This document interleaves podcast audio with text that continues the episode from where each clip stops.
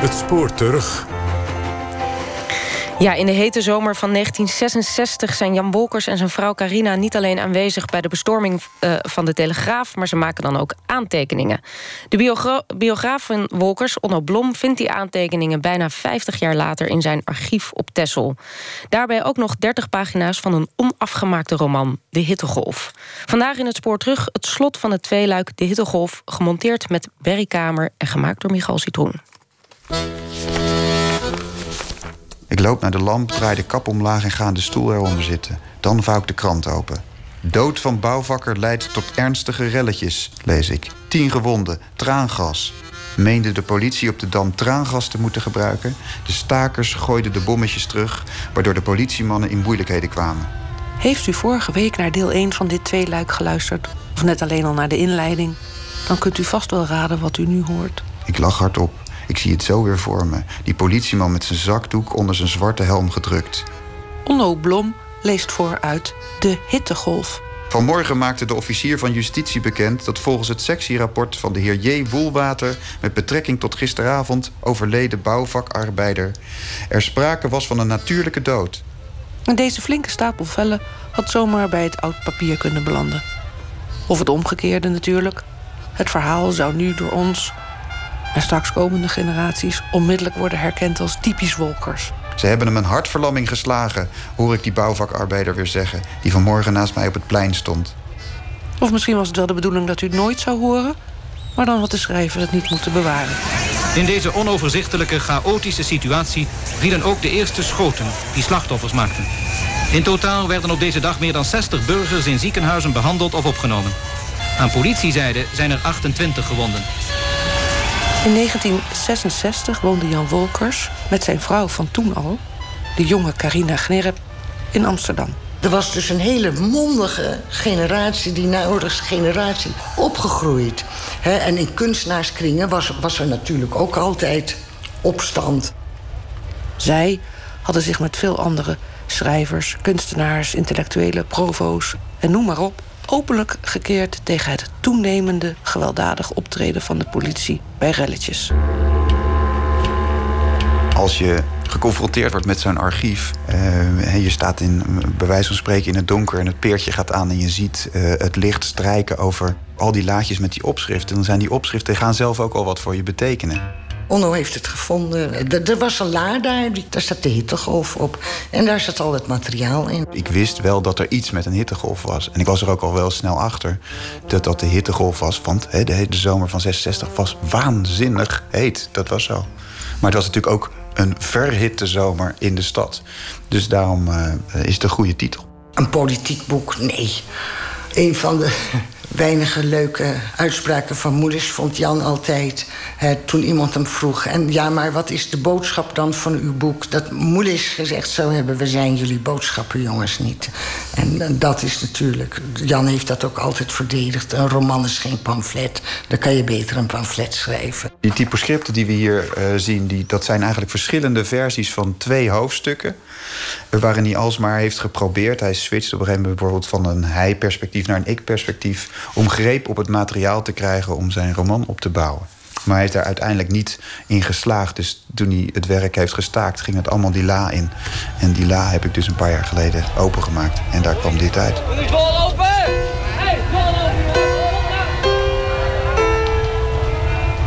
In 1966 lopen de spanningen in Amsterdam tussen vrijgevochten jongeren zoals de provo's en het gezag vaak uit op confrontaties. En de sfeer is grimmig. Het begon op 13 juni en het was een arbeidsconflict.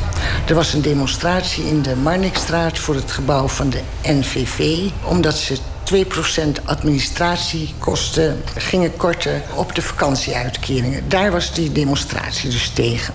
Het Holland Festival begon in Amsterdam in een sfeer die veel weg had van de staat van beleg. De politie die was op toppen van zijn zenuwen, dus die werden daarop afgestuurd. En wij hoorden daarvan in het uh, laatste NTS-journaal van die avond. In ons laatste bulletin van maandagavond melden wij in een gelezen bericht de meeste bijzonderheden. Dat er een dode was gevallen, was ons toen nog niet bekend. Er was geweld gebruikt en toen kwam het bericht: de politie heeft zich teruggetrokken. Dat vonden wij heel raar. En Jan zei tegen mij: bel je vader eens even op. Want die was toen actief lid van de Communistische Partij. En die was overal van op de hoogte. Dus ik bel mijn vader, die zegt: er is een dode gevallen. Morgenochtend is er bij de dokwerker een bijeenkomst. Nadat de stakende bouwvakarbeiders hier hadden geluisterd naar de stakingsleider... trok men in grote groepen de stad in. Daar kwam het op verschillende punten tot botsingen met de politie. Waarbij de stakers, bij wie zich honderden jongelui hadden aangesloten... het plavijs openbraken en met de stenen vernielingen aanrichten. De roman gaat ook over een jongen en een meisje. Het is ook een, zo, een soort uh, liefdesroman. En een jongen gaat de stad in naar de demonstratie om mee te demonstreren. En ze trekken dan op naar het gebouw van de Telegraaf. En dan is er een meisje. En dat meisje heet Suzanne. En dat meisje is een echt wolkersmeisje. Het is namelijk heel rond. Ze heeft rood haar.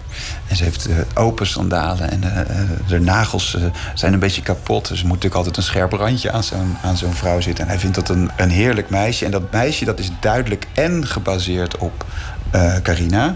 Maar ook op een eerder vriendinnetje van Wolkers, Marijke. En die Marijke die speelt weer de hoofdrol in het verhaal Kunstfruit van Wolkers. Wat hij net, net had geschreven. En, die Mar en Marijke was heel... Dat was een, een beetje een, een zielig geval die uh, hoereerde zich ook. Die ging met, met allerlei mannen, ook met donkere mannen. En dat thema, een meisje die met donkere mannen gaat... speelde ook weer in Horrible Tango. De eerstvolgende roman na 66 die Wolkers heeft. Dus al die verhalen die in zijn hoofd zaten, waar hij mee bezig was... daar zie je dus flarden van terug in dit materiaal. En sommige daarvan heeft hij ook echt gebruikt. Dat er op een dag iets rampzaligs zou gebeuren... had iedereen zien aankomen. En ook wist iedereen wat dat zou zijn. De politie zou iemand doodslaan. Ook Harry Mulisch schrijft in Bericht aan de Rattenkoning wat hem overkomt als die met collega Ed Hornik door totaal overspannen politieagenten te grazen wordt genomen. Toen wij langs een open overvalwagen kwamen, hoorde ik daarbinnen zeggen: zonder waarschuwing erop slaan. De agenten sprongen eruit en begonnen erop los te slaan. Wij, die bij de herrie vandaan liepen, werden in een sprint bereikt door twee agenten die ons in de rug aanvielen en met hun gummilatten sloegen. De laatste keer dat mijn mederedacteur Ed Hornik door een geuniformeerde was geslagen, was in het concentratiekamp Dachau geweest. Karel Wasch is dan nog een jongen van 17 en hij zit op school. Maar wanneer de stadsopstand uitbreekt, spijbelt hij om erbij te kunnen zijn. Een oudere man, die had zoiets van: wat zullen ze wel leren? Een man met zo'n hele lange regenjas en een baard. En die, die had hij. Dat is natuurlijk een heel onhandig wapen, een parkeermeter. Dat is Louis Zwaar. Die stond daarmee te zwaaien. Van ik zal ze wel eens even krijgen. Maar hij had hem wel uit de grond getrokken. In zijn woede. Ik denk dat er in politiekring een soort paniek was en een soort ook wel een gebrek aan vertrouwen in de eigen leiding. En dan gaan, in ieder geval gingen politiemensen toen ja, zich veel strikter houden aan de instructies die ze krijgen. Guus Meershoek is politiehistoricus. Het is vooral een um, intern bij de politie is er een, is er grote paniek. En uh, dat uit zich in, ja, in, in buitensporig uh, optreden. Hij komt niet zo heel ver. Dit is dus, je ziet het hier, je kan uh, meetellen, even zien. Ik denk dat hij bij elkaar een bladzijde of uh, 30 uh, typoscriptpagina's heeft geschreven die min of meer, hè, die, die goed leesbaar zijn en af en die zouden kunnen passen in een verhaal. Uh, maar verder is het, niet, uh, is het niet gekomen. Ik denk dat hij uh, heeft gemerkt dat het, ja, dat het hem te dichtbij kwam. Dat hij, hij heeft geen ingang gevonden. en, en een aantal van die thema's die hij dus heeft aangeraakt... die, die keren op een ander moment terug. Als hij wel de vorm heeft van een, van een verhaal... Dan, dan sleept hij dat als het ware achter zich aan. En nu had de politie iemand doodgeslagen. Ik bedoel dit... Naderhand werd waarschijnlijk gemaakt dat de man niet eenvoudig door de politie was doodgeslagen, maar tijdens haar geknuppelde optreden van angst of agitatie aan een hartverlamming was gestorven. Maar toen eenmaal het gerucht ging dat hij door de politie was doodgeslagen, was hij door de politie doodgeslagen. Het klimaat waarin dat onomstotelijk zo was, was maandenlang door de politie geschapen. Van die verantwoordelijkheid kan zij zich op geen enkele manier ontdoen. Ik was net bij de politie en ik zat in het Jonas Daniel S'avonds was die, die bouwvakdemonstratie geweest. En die was die, meneer Weggelaar was daarbij overleden. De dienst van de jonge agent IJs van der Weert begint op 13 juni niet goed. En daar wist ik helemaal niks van. En ik sta s morgens loop ik naar de bus en op de bushalte wordt de moordenaar tegen me geroepen. Dinsdagochtend arbeiders bij Werkspoor die geld inzamelen voor hun collega, de heer Weggelaar, die in het tumult is overleden. We zijn voor de label geworpen daar. Ik ben bokstrainer en als ik iemand in de ring stop die nooit gebokst heeft, die wordt in zo'n ring geslacht. Nou, zo waren wij ook. Wij waren gewoon niet berekend op die taak en we werden gewoon in feite gewoon voor de leeuwen geworpen.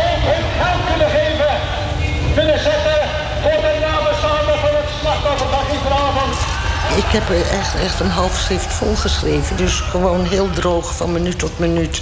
eh, zoals we dat meegemaakt hebben. Het einde van de bijeenkomst was een oproep om geld in te zamelen voor de weduwe van Weggelaar. Dus de mensen stroomden van het plein af. En op een bepaald moment werd er geroepen: op naar de telegraaf. Kijk hier, hier zie je dus gewoon. Politie rukt uit, 11 uur 54 naar Telegraaf. Wat doet de politie in Amsterdam? Moorden. Dat is gewoon gezegd in de eh, demonstratie. En dit kan je dan bijvoorbeeld, de beschrijving van dat optrekken van die menigte. Hè, dus ze gaan eh, eh, van, het, van de dokwerker lopen ze over het Rokin naar Paleis op de Dam. En dan gaan ze daar tussendoor en dan, dan, dan slaan ze af naar de Telegraaf. Telegraaf, hè, naar, de, naar, de, naar de foute krant. Maar die, die aantekeningen hier, hè, dus dat, dat keert dan weer terug in het verslag dat Wolkers doet van de demonstratie in die roman. Een gedeelte van de bouwvakkers, aangevuld met anderen, heeft zich na die vergadering naar de Telegraaf begeven. Onze correspondent die de vernielzucht daar wilde vastleggen, werd bedreigd en moest vluchten. Uit alle verhalen van ooggetuigen over de telegraafrellen blijkt dat de politie eerst niet komt opdagen en zich vervolgens geen raad weet en er lukraak op loslaat. Ernstige fout van de korpschef geweest. Guus Meershoek is politiehistoricus. Die is eh, 's ochtends geroepen op het stadhuis om te overleggen met de burgemeester en de procureur-generaal. En hij weet hoe dat komt. Want was de avond daarvoor was een demonstratie van bouwvakkers geweest en er was iemand bij omgekomen. En die heeft het hoofdbureau verlaten en aan de rest van de korpsleiding de instructie gegeven: luister eens, de mobiele eenheid mag niet uitrukken, behalve als ik de instructie geef. En hij is die vergadering ingegaan met de burgemeester en eh, de procureur-generaal. En daar ja, heeft hij zich eigenlijk samen met hen afgesloten eh, van de buitenwereld. Er kwamen wel briefjes binnen, maar die eh, bereikten Van Hal en Van Hal legde die terzijde.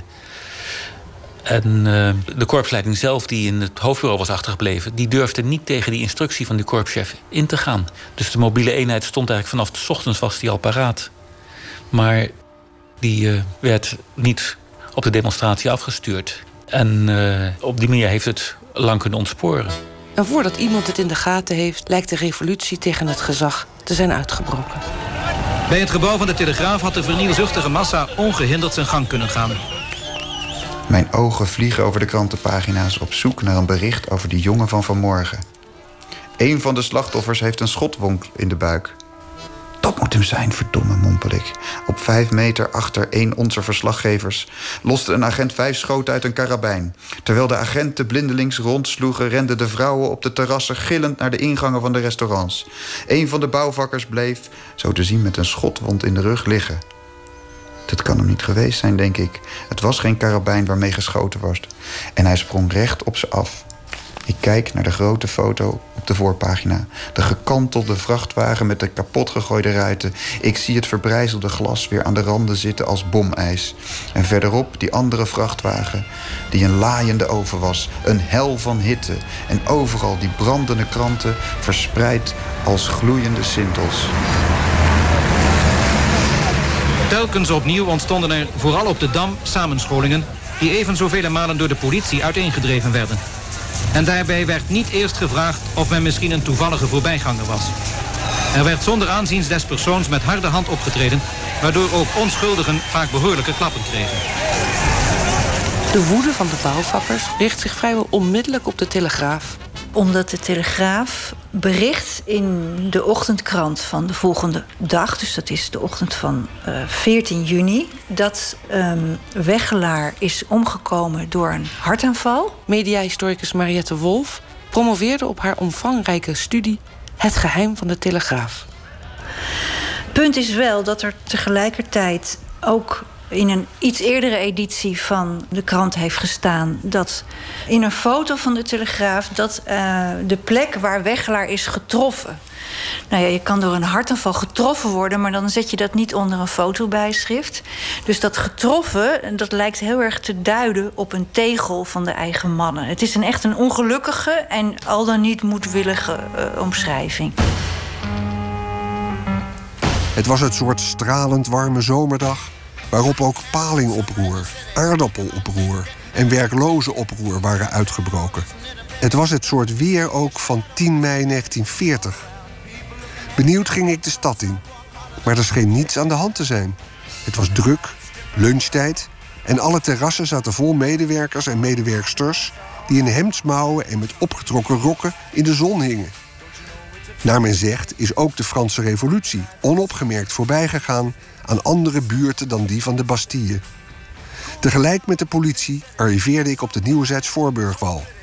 Wat een onvergetelijke aanblik. Harry Moelis zit op een gegeven moment tijdens het diner naast de hoofdredacteur van de Telegraaf, Hans de Haas. En dan komen ze in een heel uh, gezellig gesprek terecht. En dan zegt Moelis tegen de Haas: Uw krant was helemaal niet zozeer fout in de oorlog, uw krant was fout na de oorlog. En dat concept van een krant die uh, steeds de kant van het gezag koos, die, die zeg maar de jongere beweging niet serieus nam. En en nou ja, weet je, op een gegeven moment was de Telegraaf stond er zo slecht op bij de links-intellectuele elite, die toch het publieke debat in die tijd bepaalde, dat er zelfs hardop werd getwijfeld of, of je de weersvoorspelling in de krant wel mocht geloven. Weet je, zo zwart-wit was het. Het was enorm gepolariseerd. Dus in die context zie ik de bouwvakkersrellen. Um, die, die begonnen met een ongelukkige dood en een wat ongelukkige formulering. Maar ja, het is, het is een beetje geschiedvervalsing of, of wat als. Maar het, het had zomaar ook een andere aanleiding kunnen zijn. Want er werd naar aanleidingen gezocht. En dit was een pittige, met heel veel emotie. Maar het had ook een andere kunnen zijn. Maar het nu het meest verbijsterende is, als je met de huidige ook kijkt... is dat er een korpsleiding zat op het, uh, op het hoofdbureau op de Elandsgracht. Guus Meersoek is politiehistoricus die gewoon niet durfde zelf te zeggen van... Eh, op eigen gezag geef ik maar de instructie dat de ME moet gaan optreden. Het geeft aan dat men een soort mengsel had van gezagsgetrouwheid, bureaucratie... Uh, het uitwijken van eigen verantwoordelijkheid. Allemaal eigenschappen die men natuurlijk later heeft geprobeerd te corrigeren. Zelfs in de Leidse straat, dus nog niet zo, ver vandaan... stonden ME-busjes klaar met uh, personeel erin, inspecteurs erin... en wachtend op instructie van, uh, vanuit het hoofdbureau. Schrijver en dichter Karel Wasch. Wij vluchten die trapjes op van, van de beurs van Berlage aan de zijkant. Maar wij waren dus getuigen van mensen die gilden. Iemand die probeerde een parkeermeter uit de, uit de grond te rukken... die helemaal met het schuim op zijn mond stond. Toen liepen we langzaam, toen was dat even een beetje rustiger... Uh, liepen we richting dus van de Telegraaf. Dat is daar, uh, ja, hoe heet het daar, de oude zijds of de nieuwe zijds, ik weet niet meer. En daar was inmiddels al een hele club bouwvakkers aangekomen. En die hadden allemaal van, die, van dat vlechtwerk, van dat staalwerk... wat je dus uh, in de bouw gebruikt om beton te vlechten. Nou, dat is levensgevaarlijk. Als je daar een lel mee krijgt, dan uh, ben je half dood. Dus de politie die riep alleen maar... Wilt u zich verspreiden? maar die durfde daar dus niets tegen te doen. En wij met z'n allen, ja, de politie op de vlucht en zo. Dat vonden we natuurlijk wel mooi. En toen zijn we naar het Meiplein gegaan via de Laatste Steeg. Dat was toen de tijd naast tussen de, kerk en het bureau in. Dat was een steeg en dan kon je het bureau binnen zonder dat hij gezien werd. Politieagent IJs van der Weert wordt de nauwe nood gered... wanneer boze demonstranten dreigen hem te verzuipen in de Nieuwe Herengracht.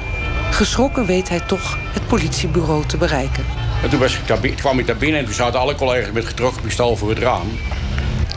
Omdat er werden stenen naar binnen gesmakt. Zulke keien werden naar binnen geflikkerd. En die kon, we hadden ook echt, als er ook echt iemand opgeschoten... werden we echt, echt, doodgeschoten. Want dat sta je op dat moment. Toen uh, kregen we bericht dat er uh, tanks van de Marseillais zouden komen. En die jongens die kwamen, gelukkig kwamen die na een, een anderhalf, twee uur kwamen die, uh, aan. En die werden voor, voor het bureau gestationeerd. En ik kwam een, stel, een stelletje gasten met uh, karabijnen. Gingen voor het bureau staan. En Toen werden die bouwvakkers werden wat rustiger. Die dachten, ja, dit gaat de verkeerde kant op. En uh, jongens, we gaan naar de Telegraaf. En toen liepen ze allemaal weg naar de Telegraaf. Die rellen liegen er niet om. Ik, ik kan me ook voorstellen als je op dat moment in het Telegraafgebouw was... als redacteur of wat of wie dan ook... dat je doodsangsten hebt uitgestaan. Want als je ook de filmbeelden terugziet de hele nieuwe zijds was, was echt het, het ja, decor in een oorlogsfilm. Overal die brandende auto's, trams die tot stilstand waren gebracht. De brandweer werd het uitoefenen van het vak uh, belemmerd.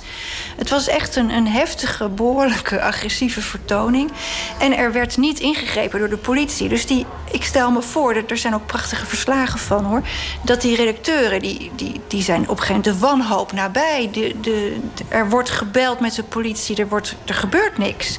Dus na drie kwartier is er nog steeds geen politieman in zicht. De Bastille was het gebouw van de Telegraaf. En de zon scheen op een fantastische, stinkende ravage... waar duizenden mensen blij naar stonden te kijken. Omgegooide, brandende bestelwagens. Het gebouw zelf met ingegooide ruiten, gebarricadeerd... de stalen rolluiken van de drukkerij verbogen en ontwricht. De brandweer stond smeulende stapels kranten te blussen... of liever in alle richtingen te spuiten... zodat alles overdekt werd met een laag zwarte modder. Overal op het asfalt met krijt geschreven: moordenaars. Ik zag gezichten die verhelderd waren door een volstrekte euforie, omdat de steenpuist eindelijk werd doorgeprikt. Op de stoeprand zat een man van middelbare leeftijd zich alleen nog maar slap te lachen.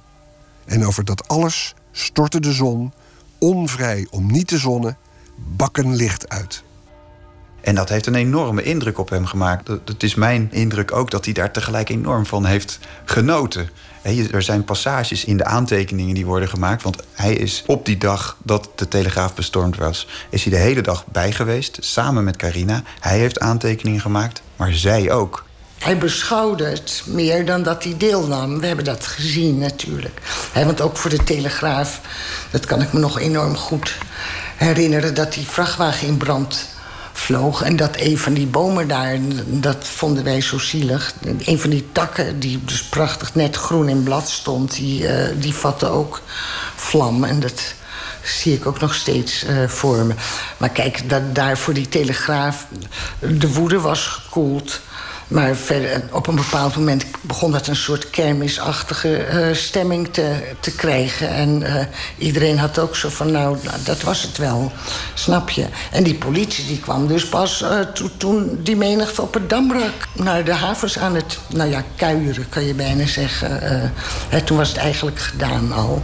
en de politie heeft dat...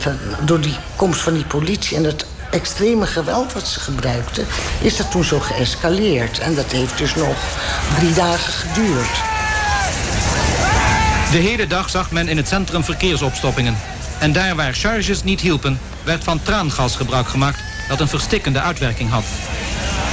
Hij liep er rond als de regisseur op de set van een rampenfilm. Zoiets, hè? Hij vond het machtig. En hij zei ook... Jongens, daar gaat de hoofdredacteur in een auto. Weet je, grappen maken. En dan, maar die, die massa, die was natuurlijk zo... Die, die, die, die, die golfde over dat plein. Dus dat ging van links naar rechts. En hij heeft ook genoten van de manier waarop de tram ineens werd stilgehouden. En met dus piepend in de rails tot stilstand kwam. Die enorme rollen papier, die werden losgemaakt en de mensen bijna verpletterden. Het, het was natuurlijk een schouwspel van je welste. Echt een slagveld. En, en, uh, en Maarschalk Wolkers die, die stond dat allemaal met, met genoegen uh, te bekijken. Toen kwam een hele grote wagen van de Telegraaf die kwam naar buiten. En dat was op zich nog moeilijk, want die, die wilde iedereen tegenhouden. Maar wat deed de bijrijder? Die deed half de deur open. En die wilde iemand een schop gaan verkopen. Nou, dat was natuurlijk het stomste wat je ooit kan doen in zo'n situatie. Dus die wagen werd tegengehouden, die werd omgegooid. Die chauffeur die klauterde eruit. Er rolde uh, grote rollen met papier uit.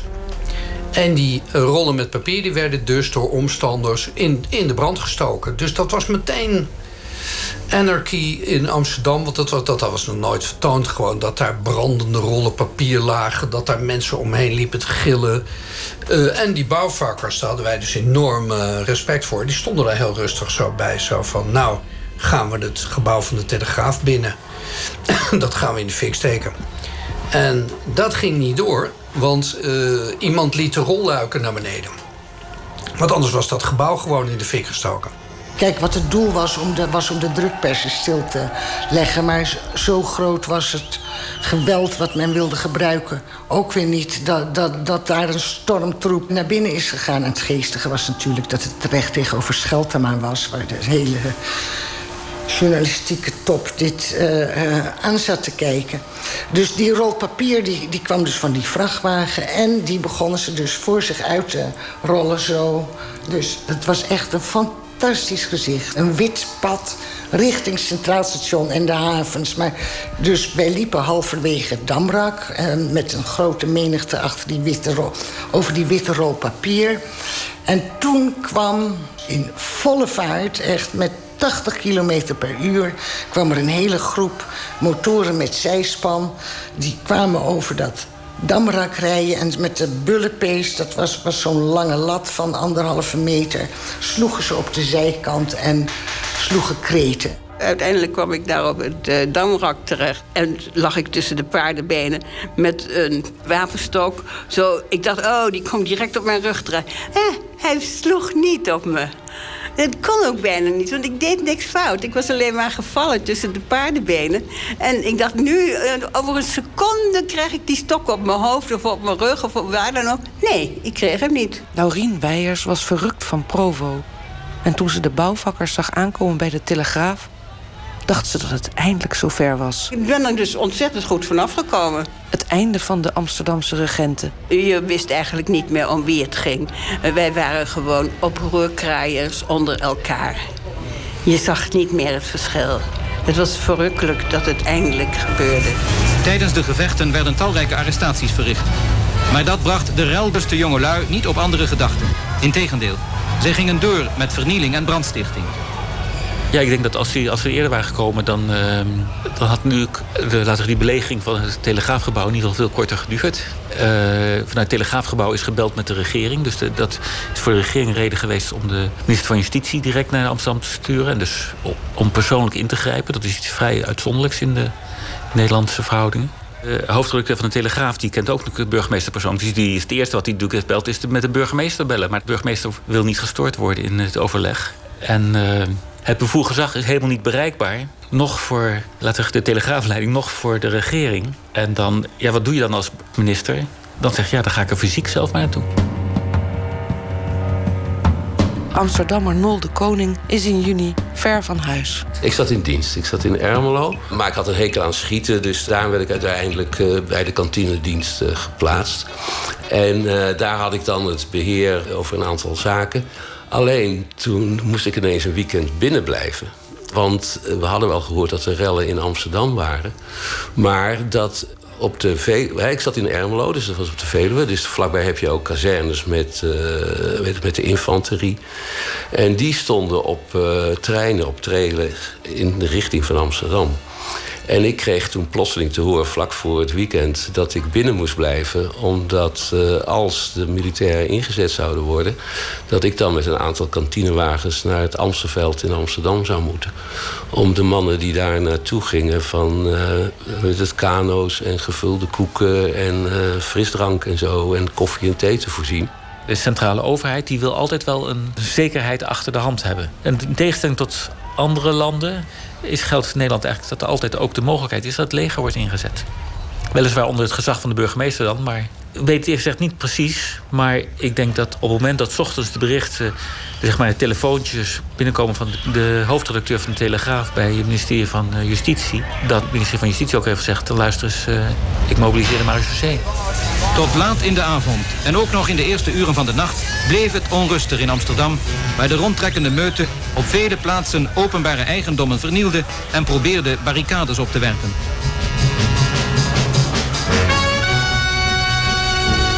Het oproer heeft Amsterdam, de hoofdstad van ons land, onberekenbare schade berokkend. En zeker niet alleen in materiële zin.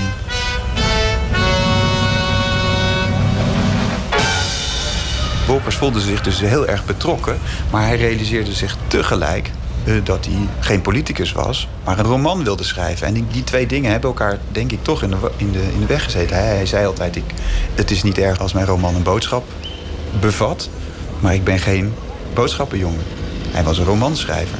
En daarin is het, is het niet gelukt. Daarin zag je dat hij... Ja, er zitten best mooie passages in.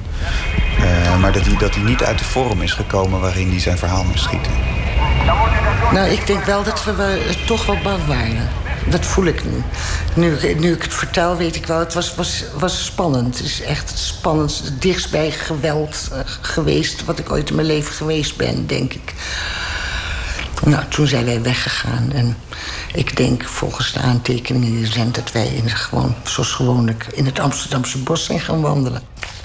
Je ziet het hier, dit is een doorslag. Hè? Dit heeft gewoon een carbonpapiertje eronder gezeten. Dit is een, dit is een origineel. Hij, heeft, uh, uh, nou, hij is gaan, gaan nummeren. Hij heeft uh, daar weer aantekeningen in gemaakt... en probeerde het dan weer nog eens. Ja, zoals dat gaat als je een, als je een boek aan het schrijven bent. Je, je probeert je, je werkt eraan door. Je merkt dat het niet gaat en dan moet je weer terug. Het boek zou De Hittegolf heten. En hij is eigenlijk vastgelopen omdat hij niets met die menigte kon. Kijk, Jan, Jan was iemand die alleen maar over heel persoonlijke dingen kon schrijven. En hij had daar wel een thema in, namelijk uh, zijn eerste vrouw en uh, de verhouding tot haar zoon.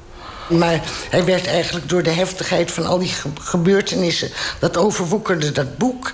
En bovendien aarzelde hij enorm om over zijn eerste vrouw... en haar, uh, uh, de manier waarop ze met zijn uh, ene zoon omgaan... Om, om daarover te schrijven.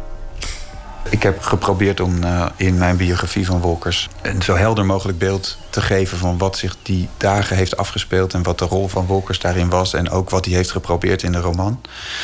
Maar verder uh, gaat het allemaal weer even terug... in die mooie la in het archief op Texel. Maar het zou best kunnen dat ik een wat uitgebreider stuk zou kunnen schrijven... waarin ook wat meer geciteerd kan worden. Of dat je een klein uitgaafje maakt en dat, dat annoteert. Het is altijd moeilijk of je dat soort dingen moet doen... want het is tegelijk volstrekt evident dat hij is vastgelopen in die roman. Het is niet geslaagd. Dat zag hij zelf ook. Dus hij achtte het zelf niet voor publicatie geschikt. Daar moet je ook rekening mee houden om het dan alsnog naar buiten te brengen. Het kan, maar dan met heel veel commentaar. Dat is een overweging. Wie weet. Dit was het tweede en laatste deel van De Hittegolf... gemaakt door Michal Citroen. Deel 1 gemist, dan kunt u die terugluisteren op onze site... www.vpro.nl OVT. Met dank aan Onno Blom en Carina Wolkers. En dit was OVT